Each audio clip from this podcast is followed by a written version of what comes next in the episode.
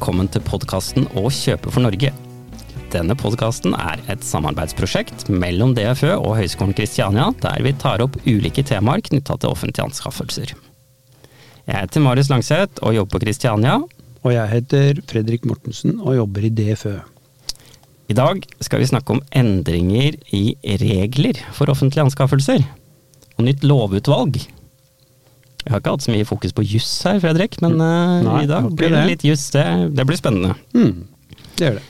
Jeg tenker at det handler litt om det her med uh, fleksibilitet eh, versus detaljregulering. Uh, og til å snakke om det, så har vi to spennende gjester.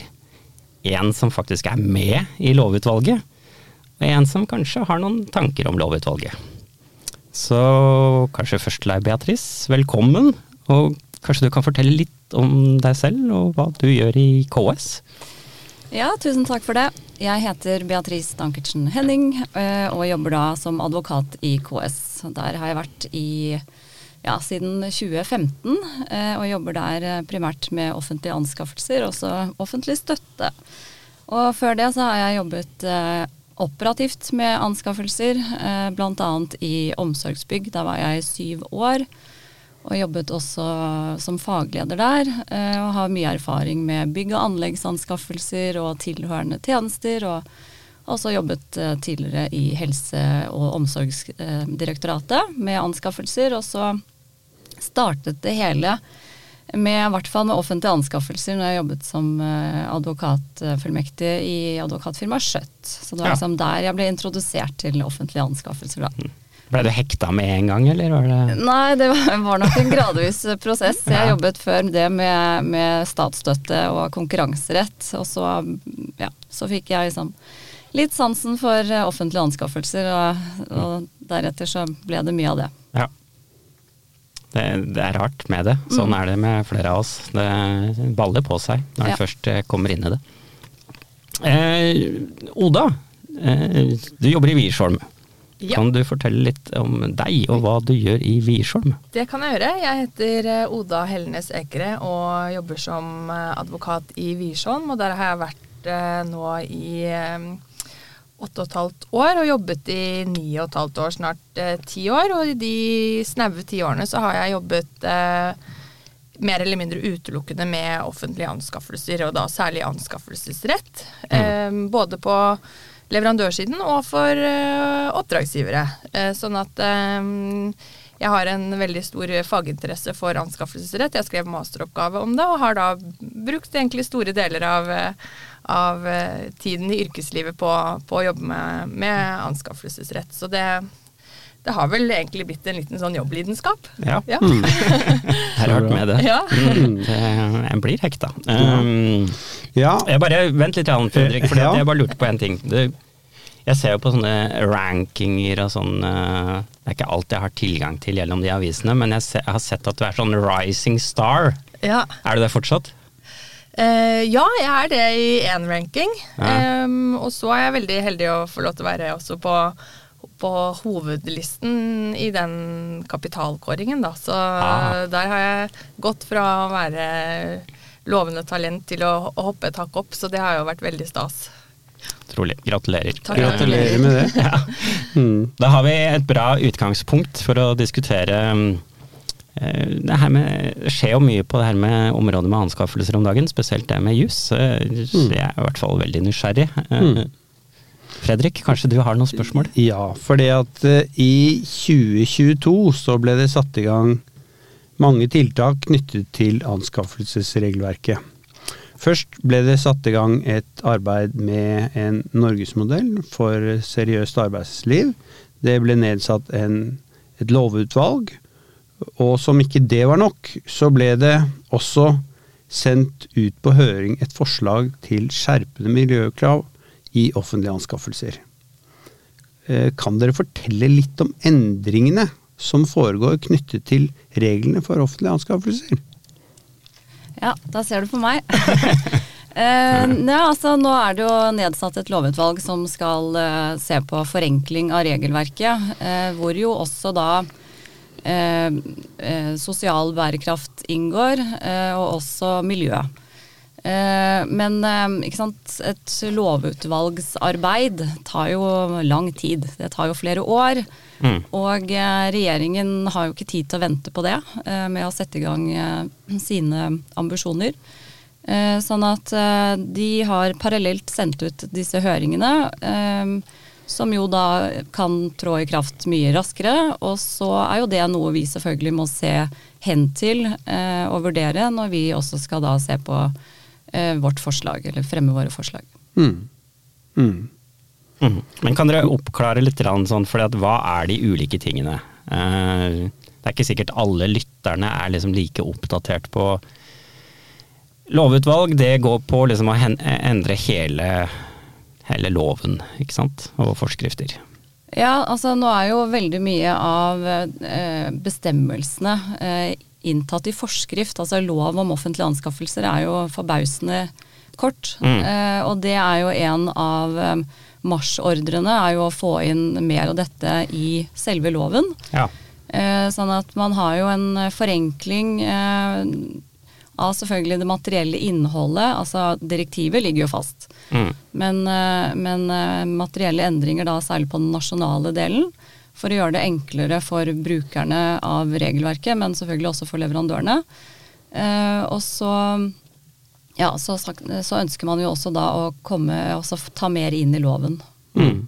Og miljøkrav, det er knytta til forskriften. Ja, nå ligger jo det i forskriften per i dag, men det vil jo også da være naturlig at det kommer inn i loven etter hvert, da. Mm. Mm. Kommer dette fra EU, eller er det et norsk initiativ? Dette er et norsk initiativ. Eh, direktivet ligger fast, så Mm. det er ikke noe Ja. Men det som, som blir litt sånn spennende å se nå, det er jo at for å bare ta det helt overordnet, så har vi da, som Beatrice var inne på, vi har en rammelov, eh, og i den loven så er det en bestemmelse i paragraf 5 som sier at eh, det offentlige, eller offentlige oppdragsgivere, eh, skal ivareta eh, miljøhensyn eh, der hvor det er relevant, og så viser den også til andre det man som kanskje kan si er sidehensyn, eh, selv om det egentlig ikke er det. Men hvis vi tar bare helt overordnet, så er jo formålet med anskaffelsesregelverket det er jo å at det offentlige skal gjøre, gjennomføre ressurseffektive innkjøp eh, basert på god konkurranse. Eh, og det er jo dette med ressurseffektive innkjøp, det er jo kall det kanskje et litt sånn særnorsk formål, men det følger jo også av EU-direktivene som ligger bak her, som er anskaffelsesdirektiver, og de fire friheter. mm. at man skal ha en god konkurranse om offentlige innkjøp i hele Europa. Så Det er jo primærformålet og det grunnleggende utgangspunktet med anskaffelsesreglene.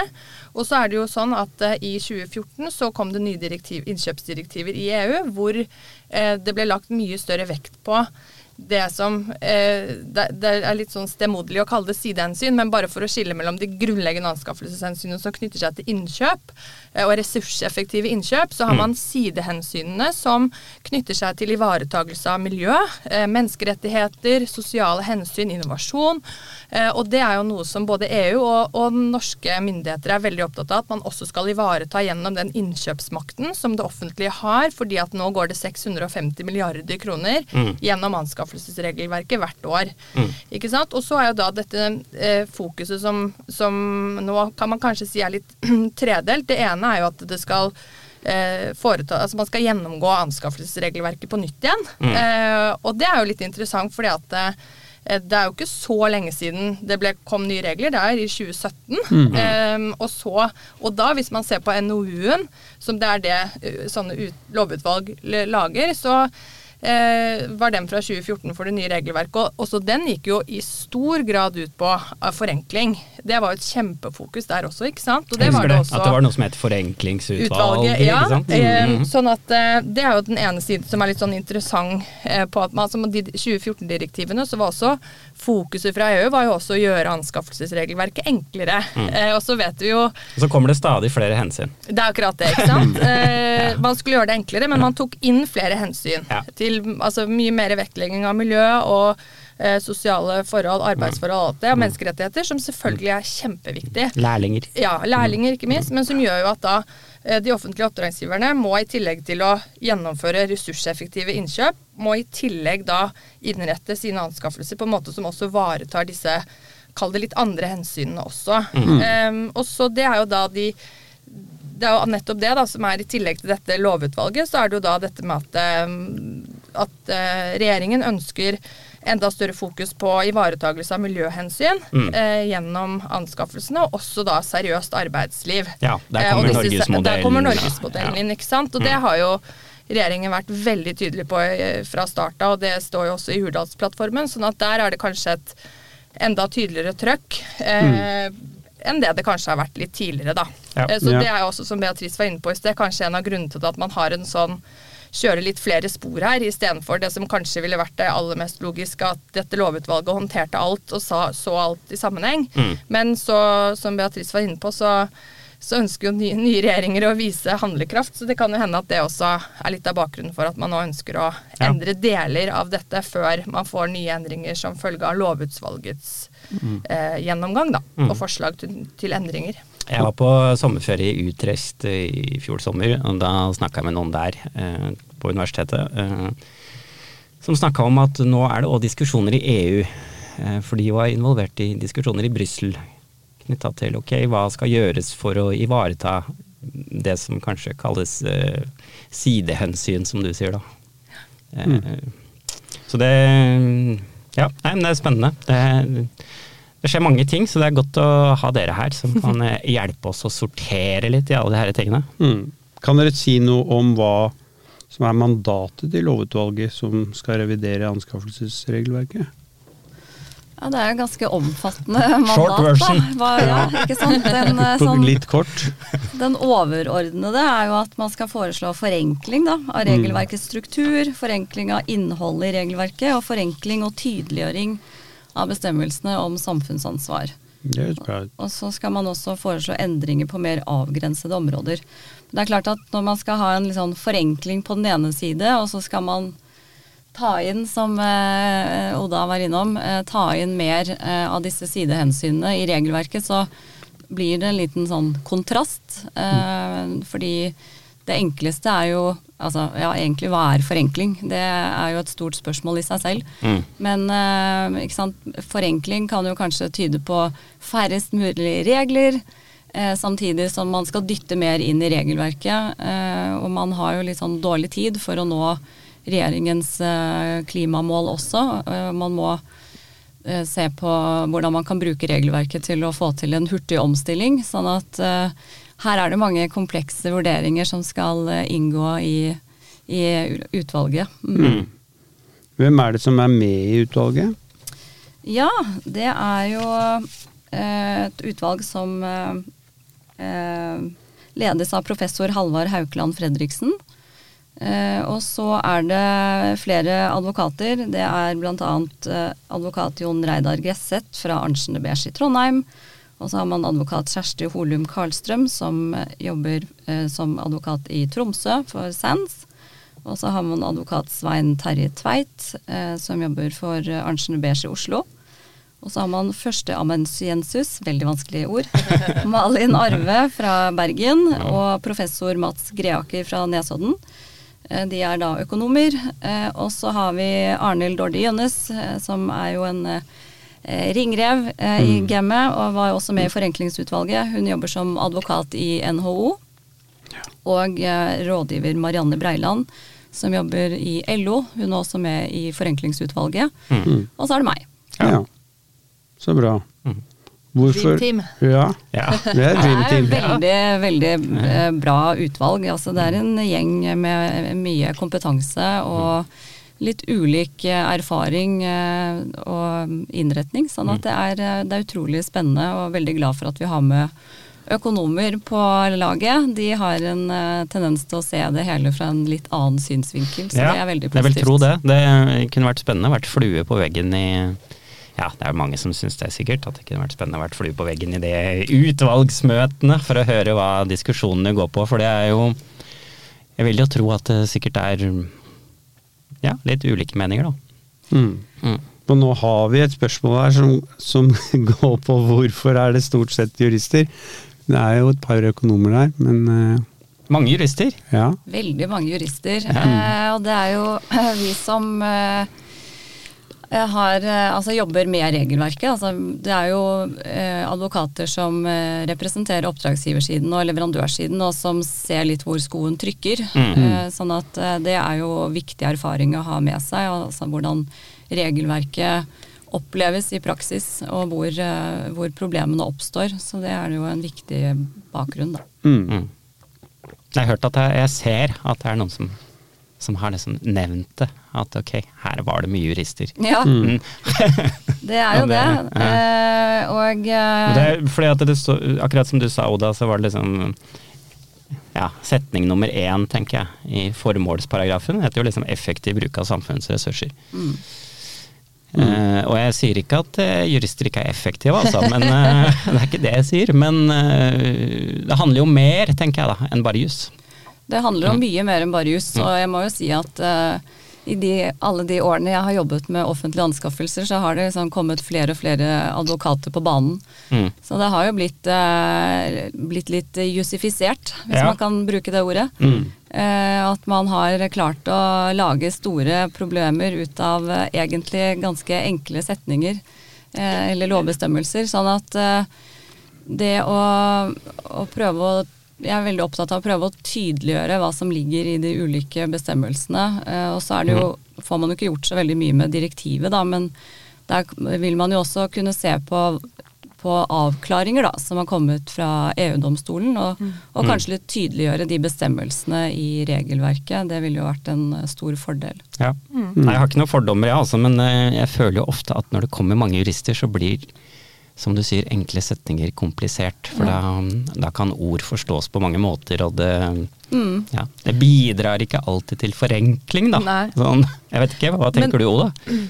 Nei, jeg er egentlig enig i det. Altså, mange av oss jurister er for det første veldig glad i å prate. eh, og så er vi glad i å skrive langt og lenger enn langt. Eh, men samtidig så er det jo også sånn at eh, det som ligger i bunnen for eh, gjennomføring av anskaffelsesprosesser i Norge, er jo dette regelverket. Eh, og, og der er jo jurister Det er jo utdannelsen, og det er jo vi spesialtrent i. Eh, å forstå regelverk, tolke regelverk, forholdet mellom den norske delen av regelverket og at det faktisk er EU-direktiver som ligger i bunnen, det legger jo, som Beatrice er inne på, veldig store føringer på, på hvilke endringer som man kan gjøre i del tre. Man kan gjøre strukturelle endringer, man kan flytte de opp i en lov, eh, man kan endre på strukturen i kapitler osv., men, det- men det er ganske begrenset handlingsrom på det konkrete og det materielle innholdet i bestemmelsene. Eh, sånn at eh, der eh, De der- grunnleggende prinsippene, Ja, de ligger og- liksom fast. ja, og der er det som Beatrice er inne på, Der tenker jeg det er viktig at man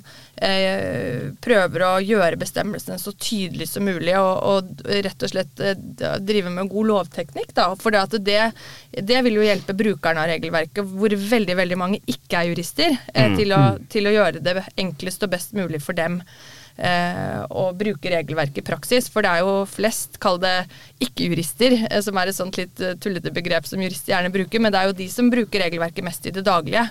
Eh, selv om de store innkjøpsorganisasjonene i Norge naturligvis har mange jurister, de også, men det er jo viktig å, og at anskaffelsesregelverket eh, gjøres så tilgjengelig som mulig for, for alle brukere av regelverket. Og det er jo veldig mange flere enn bare jurister. Ja. Men sånn som jeg har sett på dette mandatet, så ser det ut som for dette lovutvalget om at det skal opprettes, opprettes et, eh, en referansegruppe eh, med, med representanter fra oppdragsgivere og leverandører og andre relevante aktører. Så der kan vel antageligvis lovutvalget også få litt innspill fra eh, aktører innenfor anskaffelsene som, som da ikke er jurister. Så det kan jo hjelpe på. Mm.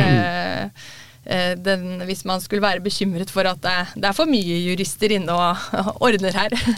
Vi bare tenker at eh, ok, da begynner de å grave seg ned i detaljene, tenker vi da. Eh, vi som ikke er jurister, men eh, det kan hende vi tar feil. Ja, Vi får se. vi får se. Vi får se, vi får se. Hva er hovedutfordringene knyttet til regelverkets struktur i dag?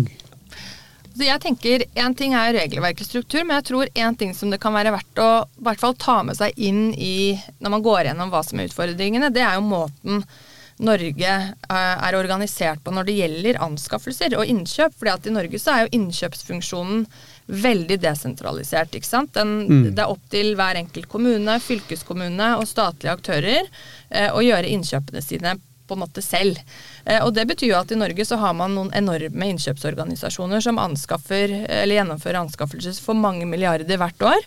Og som har eh, Det er egentlig bare det de driver med, mange av de som jobber der. Mm. Eh, og så har du mindre eh, kommuner og andre offentlige oppdragsgivere som gjennomfører anskaffelser i mye mindre grad, eh, og som derfor ikke kan ha- ha fem heltidsansatte som gjennomfører anskaffelser. Eh, og det påvirker jo på mange måter eh, kapasiteten og avsatte ressurser eh, i ganske stor grad, eh, og som igjen har ganske stor betydning for kunnskapsnivået man har om dette regelverket som mange anser som, som ganske komplisert. Mm. Så det tror jeg er en sånn Det er viktig å ha med seg inn når man skal eh, vurdere om hva som er utfordringen i dag. Det er jo at det Ja, En ting er regelverket som er komplisert, er men det er, det er, det er også antall Antall ting som skal kjøpes, rett og slett. ja. Sånn der, og antall det- innkjøpere. Ja. Uh, og Mm. det er jo over 3000 innkjøpere i Norge. Mm. Uh, og det kunngjøres over 16 500 uh, kunngjøringer hvert år mm. på Doffin. Eh, det er tall for noen år tilbake, så det kan hende det er enda flere nå. sånn at det er jo eh, det, Jeg tror det er viktig å ha med seg det perspektivet inn når man skal vurdere hva som er utfordringene. For jeg, jeg tror at eh, noen også utfordringene med den kritikken som anskaffelsesregelverket ofte møter med at det er komplisert og ressurskrevende, det knytter seg jo også i noen grad til eh, hvor mye ressurser man har til å lære seg dette regelverket godt. Eh, sånn at det er, det, det er jo også et aspekt som er viktig til å ta med. Og så kommer man jo inn i det at eh, forskriften f.eks. er jo veldig Den er detaljert, og det er mange bestemmelser. Og det er jo det som er veldig spennende som lovutvalget skal se på, nemlig om eh, de skal flyttes opp i en lov. Eh, Minister Vestre han uttalte jo i forbindelse med nedsettelsen av dette lovutvalget at man kan ikke ha et, eh, et regelverk hvor man må ha en veileder på 300 sider. Mm. men så kan man jo si at der hvor man eh, har lovbestemmelser, så har man gjerne forarbeider som sier, som for, hvor det forklares mye mer hva man har ment med innholdet i de forskjellige bestemmelsene og sånn, og det har jo ikke anskaffelsesregelverket fordi det i stor grad er i forskrifter. Eh, og det kan jo da denne veilederen hjelpe til med, men det å, å eh, det å se på om man kan få litt mer oversikt og kanskje litt mer veiledning eh, gjennom forarbeidet ved å flytte mange av disse bestemmelsene opp i en lov, det kan kanskje hjelpe litt på. Så det gleder jeg meg veldig til å se hva lovutvalget mm, skal Men det du sier det. er at hvis det, hvis det blir inn i loven i stedet for, så må vi begynne å sette oss inn i eh, forarbeidene, da. Ja, Mm. kanskje i stedet for å lese veilederen. Så hva, Ja. og det er jo det da Nærings- og fiskeridepartementet som kommer til å skrive mye av begge delene. Men i tillegg så vil du jo få lov, eh, altså lovutvalgets vurderinger i tillegg, så du får et større Du får flere ting å se hen til, da, Mm. eh, som kan være bra. Eh, men, men utfordringene med strukturen, sånn helt konkret på, på spørsmålet ditt, det er vel at det er, det, er, det er mange bestemmelser, og det er, det er mye å, å få oversikt over. Det er jo 32 kapitler i forskriften, ikke sant. Mm. Eh, sånn at, eh, og det er bare anskaffelsesforskriften, og så har du jo et par forskrifter til. Ja, så Så- begynte det med sånne endringer som eh, Ja, nei, det her gjelder bare for statlige, og det her gjelder eh, eh, F.eks. terskelverdier med endringen av dem. Da begynte det liksom å bli komplisert, syns jeg. Mm. At når, når det begynte å bli uh, ulike ting for de ulike aktørene Mm, mm. Uh, ja, Jeg vet ikke om det er noen re refleksjoner rundt det, men uh, det er kompliserte ting, da. I hvert fall i mitt hode, men det kan hende det er ikke helt systematisert, kanskje. Altså, Jeg tenker at det gjør det litt vanskelig å, få, å forklare sånn intuitivt når hvilke deler av regelverket kommer til anvendelse, men for den statlige oppdragsgiveren så er de stort sett enten i del 1 i forskriften som inneholder veldig lite bestemmelser, eller del 3. Så for dem så Mm. tror jeg kanskje nesten det er enklere, men du har et veldig lite sånn rom der hvor man kan bruke, bruke del, del 2. så, men jeg tror um, for oppdragsgiverne i det daglige så tror jeg ikke det er noe sånn veldig. Stor utfordring. Det er mer at det, man, man må bruke mer tid på å beregne anskaffelsens verdi. Og Ja. det kan jo være ikke en enkel sak alltid, eh, for å finne ut av hvilken del du er i forskriften. Mm. Eh, så, så det kan jo reglene kanskje bidra til at man må bruke litt mer tid på. Eh, Ja. Ja. Jeg vet ikke om eh, Kan du gi noen eksempler? Eh, I forhold til struktur ja. Mm. Jeg har vel kanskje gitt noen eksempler har vel allerede. kanskje gjort det. ja, og så eh, Der tenker vi at det er jo kanskje noe som Beatrice og de sitter nå og pønsker på. Så prøvde jeg å tenke litt på det sånn selv før, før vi møttes her i dag. Og, Mm. og, og nå er det jo sånn at f.eks. i forskriften så har du jo disse 32 kapitlene, og så har du eh, regler om f.eks. kvalifikasjonskrav i ett kapittel. Eh, og så har du bestemmelsene som sier at hvis ikke du oppfyller disse kvalifikasjonskravene, så skal du avvises i et annet kapittel.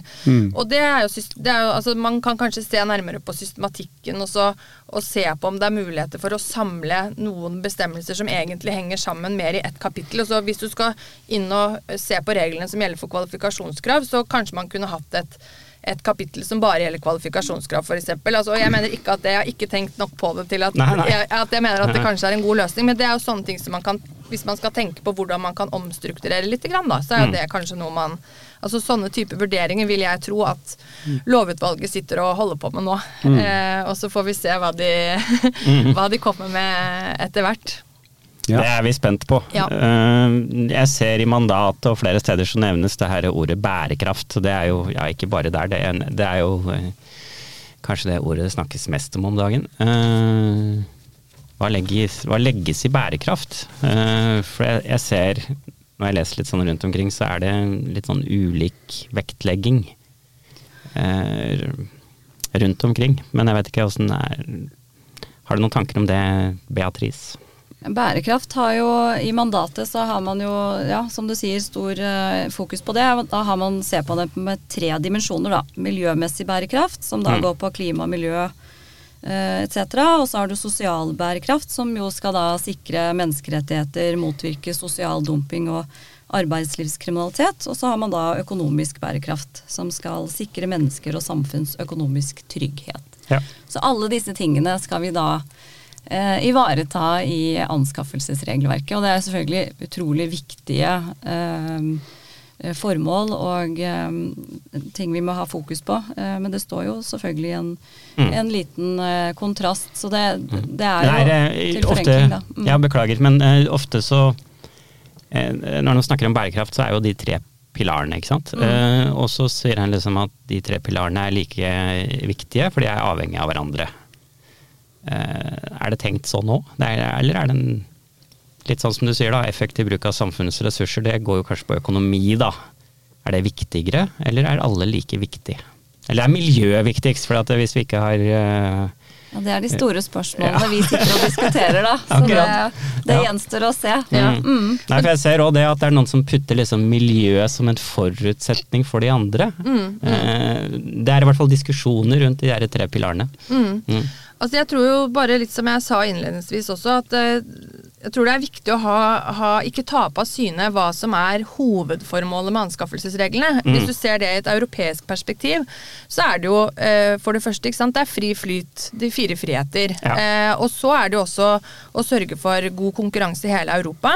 Og så er det jo også eh, å sørge for at, eh, at man tildeler eh, kontrakter, offentlige kontrakter på bakgrunn av konkurranse. Eh, det har jo eh, altså også et korrupsjons... Eh, for å forhindre det, og det snakker vi jo sjeldent om i Norge, men, men det ligger jo også i bunnen, ikke sant. Og det, igjen som skal sørge for at, at offentlige midler brukes mest mulig ressurseffektivt og riktig. Eh, og så er det jo det, det utrolig viktige fokuset på, på miljø eh, og, og de andre hensynene. Det er også veldig viktig, men jeg tror jo innen, når man bruker bærekraftsbegrepet innenfor anskaffelsesretten, så tenker jeg jo at man det er litt viktig at man ikke taper av syne hva som er det egentlige formålet med regelverket, og så er det utrolig viktig at innkjøpsmakten brukes godt, og at, og at selvfølgelig skal eh, offentlige innkjøp eh, ivareta eh, menneskerettigheter og miljøhensyn. Eh, Men man må avveie det på en sånn måte at man faktisk får gjennomført anskaffelsene effektivt nok. Og så må man også huske på, tenker jeg, at det, eh, det er jo egne, det er en egen arbeidsmiljølov. Vi har et eget arbeidstilsyn, ikke sant. Vi har også egne regler som, eller andre eh, regelsett som knytter seg til miljø. Eh, Sånn at det er, ikke, det er på en måte ikke bare anskaffelsesregelverket som skal bære alle disse andre hensynene selv. Eh, så det, der, der må jo også utvalget tenke på at Eller der, der skal det settes en eller annen form for grense, ikke sant. For at mm. Arbeidstilsynet er jo også, og arbeidsmiljøloven ivaretar jo veldig mange av disse hensynene som nå også anskaffelsesregelverket skal ivareta. Sånn at det å finne den mm. balansegangen på hvor, hvor mye man skal pålegge de offentlige oppdragsgiverne eh, og ivareta disse hensynene, i tillegg til det at man faktisk har annen sektorlovgivning som, som er den primære lovgivningen som, og regelverket som skal ivareta Mm. f.eks. arbeidsrettigheter. Da. Ja. Det tror jeg er liksom viktig at man ikke taper av syne, for det er jo fort gjort, ikke sant. Jeg ser det er diskusjoner om det om dagen, knytta til det med ja, hvem skal følge opp alt det her, da. Eh, og hvor mye ressurser må det overføres til kommunene for å faktisk få det gjennomført. Ja, jeg er glad du tar opp det, for Ja. vi eh, i KS er jo selvfølgelig veldig opptatt av dette. Mm. Vi så Eh, den høringsuttalelsen. Ja, vi har jo skrevet eh, høringsuttalelse både på Norgesmodellen og, og også dette eh, miljøhøringen. eh, og vi er jo nettopp opptatt av, av at dette må være samfunnsøkonomisk eh, gjennomførbart. Eh, og det er klart at det å pålegge masse ekstra byrder for eh, offentlige oppdragsgivere er jo eh, kanskje ikke alltid veien å gå, særlig når man har eh, Arbeidstilsynet, Skatteetaten og andre kontrollmyndigheter som nettopp skal ivareta en del av de samme funksjonene, eh, og som skal gjøre det per i dag. Da. Mm. Sånn at vi er jo veldig opptatt av at man ikke skal lesse oppdragsgiverne ned med altfor mange sidehensyn. Mm. Man må på en måte gjøre det innenfor hva som er eh, proporsjonalt og gjennomførbart. Eh, husk at mediankommunen i dag har 5000 innbyggere. Mm. Og det er, det er de det er flest av, rett og slett. Sånn at eh, man må kunne gjøre gjennomføring av både anskaffelser og kontraktsoppfølging eh, på en enkel måte. Um, og også dette med miljø, ikke sant. Vi er jo selvfølgelig opptatt av eh, miljø, og anskaffelser er jo et virkemiddel for å nå regjeringens ambisjoner. Samtidig så må det jo også være sånn at man ikke skal stille miljøkrav der hvor det ikke er hensiktsmessig eller fornuftig. Mm. Eh, fordi plutselig så vil det få en sånn helt uproporsjonal kostnad å få den bitte lille ekstra miljøgevinsten. Og Mm. vi er også veldig opptatt av at eh, oppdragsgivere skal ha frihet til å stille kravene der hvor de anser det mest hensiktsmessig selv. Sånn at det å putte for mange tvangstrøyer på offentlige oppdragsgivere, det er jo ikke vi veldig fan av.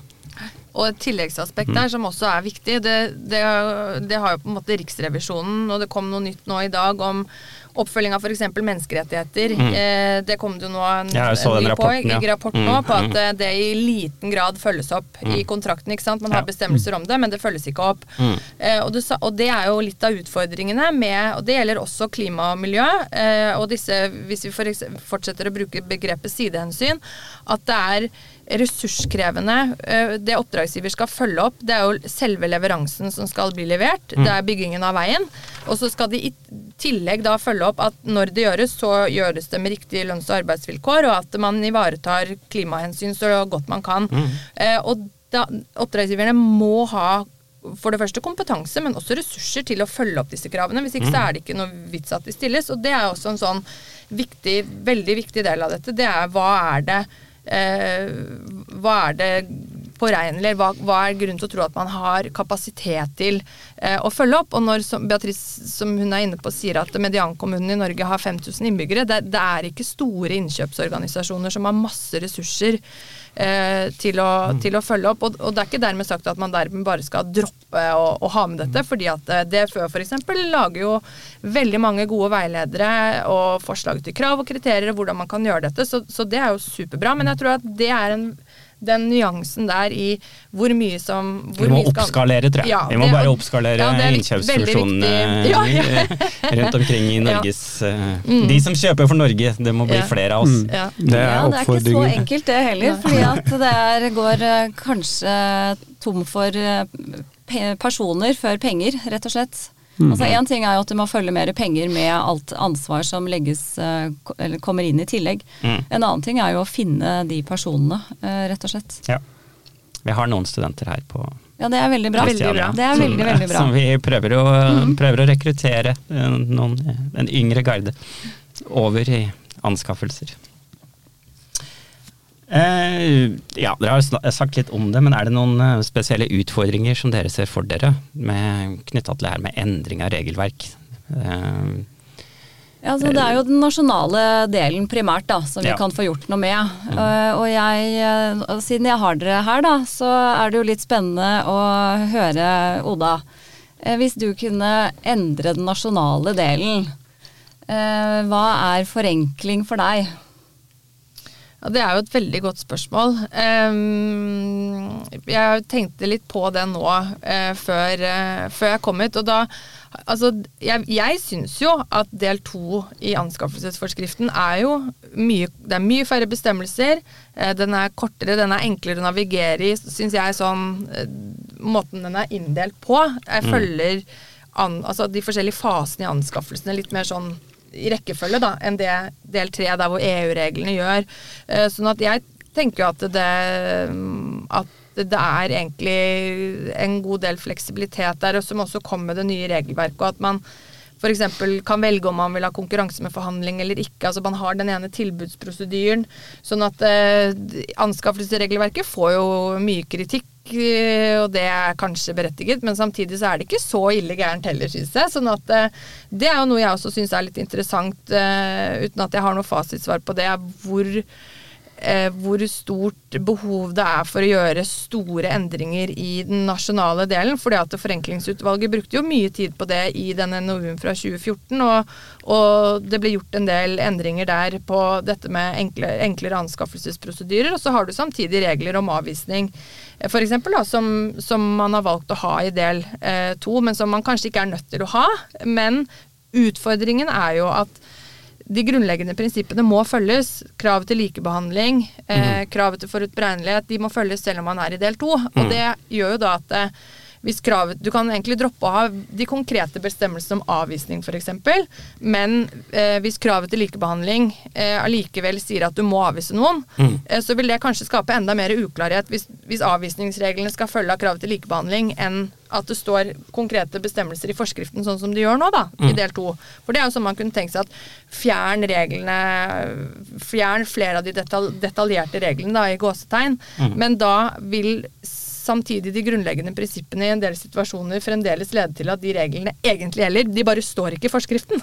Og det er jeg ikke sikker på. Men det står i forarbeidene. Ja, ja, ikke sant. Da kommer det i forarbeidene. Om det vil være Eller i veilederen. det tror jeg ikke nødvendigvis vil være en reell forenkling. Det vil kanskje bare egentlig være en kompliserende faktor.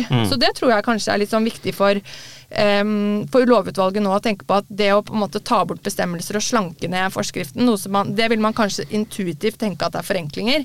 Men gitt at anskaffelsesregelverket i stor grad er basert på grunnleggende prinsipper, noe som er egentlig kanskje litt særegent for nettopp anskaffelsesreglene, Um, så ville jeg i hvert fall tenkt på det i lovutvalget at uh, en forenkling kan kanskje også gå ut på å tydeliggjøre bestemmelsen, sånn som du var inne på, Beatrice. Forklare grundigere i selve forskriftsteksten hva betyr dette, hva innebærer denne bestemmelsen. Hva er et vesentlig avvik, da? Bare for å ta det. Jeg vet at dere skal se på i del to, dette med avvisningsbestemmelsene. Men kanskje, kanskje forenkling vil være nesten å ha litt, eh, litt mer forklarende bestemmelser. Og da vil jo en forenkling gå ut på at man kanskje får enda mer tekst i del to enn det det var før, på noen bestemmelser. Eh, men som da kan være en reell forenkling i den forstand at det er enklere for oppdragsgiverne og leverandørene å skjønne hva som Hva som egentlig er ment. Egentlig da. er ment. Mm. Nei, for det er jo den store diskusjonen, tenker jeg. da, At det er liksom det her med detaljregulering versus fleksibilitet. Ja. Liksom det, og det er eh, Ja, jeg fant en spennende forskningsartikkel eh, av eh, noen som hadde undersøkt lover, praksis og resultater i 187 land. Og så fant de at strengere regulering er effektiv i land med lav kapasitet i offentlig sektor, men ikke i land med høy kapasitet. Eh, fordi det hemmer skjønnsutøvelse. Jeg skal legge en link til eh, artikkelen i, eh, i podkasten, ja, hvis det er noen som er interessert. Men eh, det er jo en litt sånn Ja, det er den balansen der, da, tenker jeg, som er sikkert utrolig vanskelig, eh, men viktig. Ja, og der er jo offentlige innkjøpere veldig ulike, ikke sant. Noen ønsker å ha veldig detaljerte regler, sånn at de sånn det er umulig å tråkke feil, men Mm. man ser jo allikevel at det er egentlig ganske enkelt å tråkke feil med ganske detaljerte regler. Men, eh, mens andre ønsker jo at det skal være så få regler som mulig. Mm. Sånn at eh, hva som er forenkling, det er jo det er, det er et stort og vanskelig spørsmål. Så, men det er riktig som du sier, ikke sant? hvis du tar bort for mye, så kan jo det også bli vanskelig. Man ser jo på en del av disse såkalte del 1-anskaffelsene, altså som er unntatt kunngjøringsplikt. eh, Så er det jo nesten ikke noen bestemmelser i det hele tatt. Og da er det jo vanskelig å vite hvor man skal f.eks. hjemle avvisning eller av, unnskyld, avlysning av konkurransen. Sånn at eh, det er, det er en balansegang. Så det er eh, Mm. veldig, veldig spennende arbeid. Og jeg gleder meg til å se hvor vi havner, rett og slett. Mm. Vi Ja. òg. Mm. Vi òg. Ja, helt klart. Og, og tilføye litt der at igjen dette med å ha strenge regler. For hvis vi bruker dette nye forslaget til miljøkriterier som eksempel, da, hvis, Mm. det blir fastsatt en regel om at du alltid skal vekte miljø av 30 Ja. For noen innkjøpsorganisasjoner så vil det være helt uproblematisk, fordi Mm. at de eh, vet eh, hvor skoen trykker når det gjelder eh, miljøutfordringer, og de klarer å utforme gode miljøkriterier som faktisk har en funksjon, som Mm. faktisk leder til eh, reduksjon i utslipp f.eks. Mm. Eh, Så for dem så vil det kanskje være helt eh, toppers, mens for andre oppdragsgivere som, eh, som kanskje er en mindre organisasjon, eh, de har mindre kapasitet og ressurser, der vil det jo ikke nødvendigvis være gunstig å ha eh, være forpliktet til å ha et sånt kriterium hver gang. Og nå setter jeg det litt på spissen. for Og i alle jo, markeder. Og, ja, ikke sant? Ja. Sånn Mm. at den der, Og det er jo det som, som Beatrice er inne på, at eh, detaljregulering er bra for noen, men ikke for andre. Og sånn vil det være in, internt i Norge også. På Mm. Ja. måte, selv om vi har en, hva skal man si, en godt utviklet offentlig forvaltning, da, i ref den artikkelen som du nevnte. Mm. Eh, sånn at det er jo også en av utfordringene for lovutvalget. Det er nettopp at innkjøpsorganisasjonene i Norge er veldig eh, forskjellige. Eh, sånn at man må liksom, man skal ivareta de største innkjøpsorganisasjonene som anskaffer for mange milliarder i året, til den mindre som eh, anskaffer for kanskje fem, ikke sant. Sånn at det, det er jo eh, Ja, og Det som kommer fram i anskaffelsesundersøkelsen bl.a. til DFØ, er jo at eh, folk sier at ok, vi mangler tid og ressurser. Mhm. Eh, ok, vi kan regel, vi er gode på regelverket, eh, vi har gått på kurs og vi har lært oss det nå. eh, men vi mangler tid og ressurser. Eh, og vi sliter med en del Det er gjenganger. ja, Ja. vi, vi, har ikke tid Mm. Jeg får ikke til det med kontraktsoppfølging, f.eks. Det er en sånn uh, gjenganger, ja. Eh, og da er, er, da svaret på utfordringene uh, Vi endrer regelverket. Ja, nei, jeg vet ikke.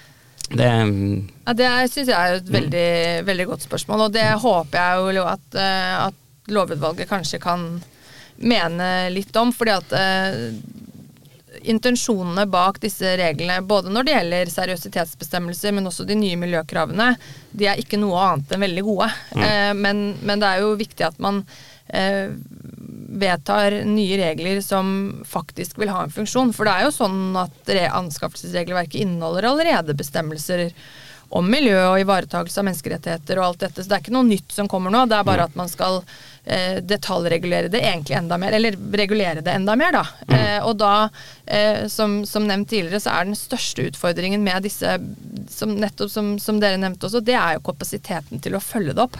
Eh, og det tror jeg kanskje ikke er redegjort sånn veldig for f.eks. i høringsnotatet til departementet på, på disse nye miljøkravene. Hvordan, hvordan skal man følge det opp, og hva er det som egentlig gir best eh, effekt da, på, på miljøet f.eks. Så det er mange ting som, som, eh, som må tenkes igjennom, og som, som ikke kanskje er, er like rett frem. Og, og mange forskjellige hensyn som man må veie opp mot hverandre. Ja, Mm. det er spennende når jeg, må være spennende, Beatrice, når vi sitter og så vedtar dere Ja. etter, eller kommer med forslag da, til et eller annet. Og så ja, det her får sånn og sånn konsekvenser for at vi må øke antall ressurser så og så mye, f.eks. For, eksempel. For å klare å faktisk følge lovkravet, da. Ja, og det ligger jo i mandatet at vi selvfølgelig skal se på konsekvensene Mm. av disse nye forslagene som eventuelt kommer også. Mm. Og det er, mener jeg jo er en utrolig viktig del av et eh, sånn type mandat. At man Mm. ser på konsekvensene av, av nye forslag, eller hva tiltak faktisk vil innebære. Så Ja. Det er eh, derfor veldig godt å ha med disse økonomene på, på laget, som eh, har jo eh, et, ja, et litt større samfunnsøkonomisk syn på, på regler. Hvor ofte trenger vi å endre Ja. de her reglene? Nei, altså den, den, den forskriften som, eller De forskriftene som gjelder nå, de er fra 2017. Eh, og anskaffelsesforskriften som da ble takket av, var jo fra 2006. ikke sant? Så der var det jo elleve år eh, imellom. Eh, og så er det som Beatrice nevnte tidligere, at det tar jo tid å, fra, fra lovutvalget kommer med sine vurderinger nå senere i år og neste år, Mm. til at man eventuelt har nye regler, så vil det jo fort ha gått ti nye år. Eh, og så, så kan man jo si at kanskje ti-elleve år det er ikke så gærent intervall, men det man Nei. må huske på, som er litt som jeg er veldig opptatt av, det er jo at eh, eh, dette med å gjennomføre gode anskaffelser også i stor grad handler om kompetanse hos Mm. innkjøperne og også leverandørene. Eh, Og hvis man stadig endrer et ganske omfattende regelverk, så, så, så kan det lede til at man i det, når man har jobbet eh, med dette en stund, og så har man, føler man at yes, nå kan jeg det, så kommer det masse nye endringer. Mm. Så det tenker jeg at det er de hensynene, det med forenkling og ha et liksom mest brukervennlig regelverk, som er jo formålet med å gjøre endringer, eh, må jo i, holdes opp mot det at man ikke må endre så mye at eh, når man akkurat har lært seg dette brukervennlige regelverket, så kommer det noe nytt. Mm. Så jeg tenker at det må man uh, Mm. ha litt i, litt i bakhodet. Så jeg Det ble kanskje litt sto vel om det i stortingsmelding 22, hvis jeg husker riktig, at Mm. liksom, anskaffelsene blir ikke bedre enn det siste leddet. Det, det er der det skjer. Mm. Mm. Ja, nei, jeg tenker også at ikke det må skje for ofte, så vi får håpe at vi nå liksom eh, klarer det og får et regelverk som eh, alle er veldig fornøyd med. Mm. Så slipper man å ha sånne eh, revideringer eh, i altfor stor grad. Og så er det jo også ikke sant, viktig å la eh, de ulike reglene få lov til å fungere over tid, sånn Mm. at man ser effekten av eh, om de tiltakene, f.eks. på lærlinger, Ja. eh, fungerer. Man ser jo ikke sant, på eh, den modenhetsundersøkelsen som DFØ har gjennomført, at man i liten grad følger opp eh, lønns- og arbeidsvilkår. Mm. Sånn at, at man lar eh, innkjøperne få tid til å lære seg hvordan disse kravene skal følges opp, før man pøser på med enda nye krav da, som kommer i denne norgesmodellen. Det tror jeg hadde vært fornuftig for å se hva er det som faktisk fungerer. Fordi at det er jo ikke noe poeng å pøse på med stadig nye eh, krav som heller ikke følges opp. Mm. Da ser man jo ikke hva som eh, er treffsikkert. Sånn at, eh, Enda mer dårlig samvittighet. enda Ja. mer dårlig samvittighet. ja. ja. Eh, nå tror jeg vi nærmer oss slutten her, men kan du si litt mer om tidsplanen, Beatrice? Eh, når får vi høre noe fra liksom, diskusjonene, eller resultatene av diskusjonene? Hvordan er tidsplanen framover? Altså Første delleveranse kommer jo allerede i november i år. Mm. eh, Og det er liksom den store, store bragden. Og så har vi en uh, siste leveranse Så det blir på anskaffelseskonferansen, da. Så da får vi innlegg om eh, Den pleier å være i november. Den er i november, Ja. så vi får se hvordan det blir sånn timingmessig. Ja. Eh, Og så er det mai 2024 er andre delleveranse. Mm. Mm. Så Dere har nok å henge fingrene i da, Ja. altså. Ja, du, det går eh, unna. Det er Ja. veldig morsomt. Og vi startet allerede på første møte med livlige diskusjoner, og alt var oppe, og det var kjempegøy. Så det er uh, utrolig spennende og hurtig arbeid. Ja. Hvis vi vil vite litt mer, da. Hvis vi er liksom nysgjerrige på ok, jeg har lyst til å grave meg litt ned i, ned i detaljene om hva som eh, står i mandatet, eller noe sånt. Det, hvor, hvor bør jeg lete? Ja, så Vi har jo fått en egen eh, side. Å, har dere det? Ja, Anskaffelsesutvalget.no. Fantastisk. Der ligger eh, mandatet. eh, Der står det litt om utvalgsmedlemmene. Man kan også sende inn innspill. Ja. Eh, og det er helt åpent. Alle kan sende inn innspill til eh, endringer. Og så, som vi snakket om litt innledningsvis, så har vi også en referansegruppe som da vil, eh, som vil få konkrete spørsmål som da de vil gi innspill på. Det var en veldig nyttig idé. Mm. Det var jeg faktisk ikke klar over. Mm. Mm. Der er det bare å lese mer. Da skal vi dukke ned i den. Ehm, da vet vi hva vi skal finne på i påsken. Uh, jeg lurer på om vi må runde av der, ja. Uh, ja. Vi har vel ikke noe mer på hjertet akkurat nå. Nei? Skal vi bare si takk for i dag, da. Og så høres vi igjen her Mm, på Å kjøpe. Norge. Mm, takk for i dag. Takk for i dag. Takk for i dag.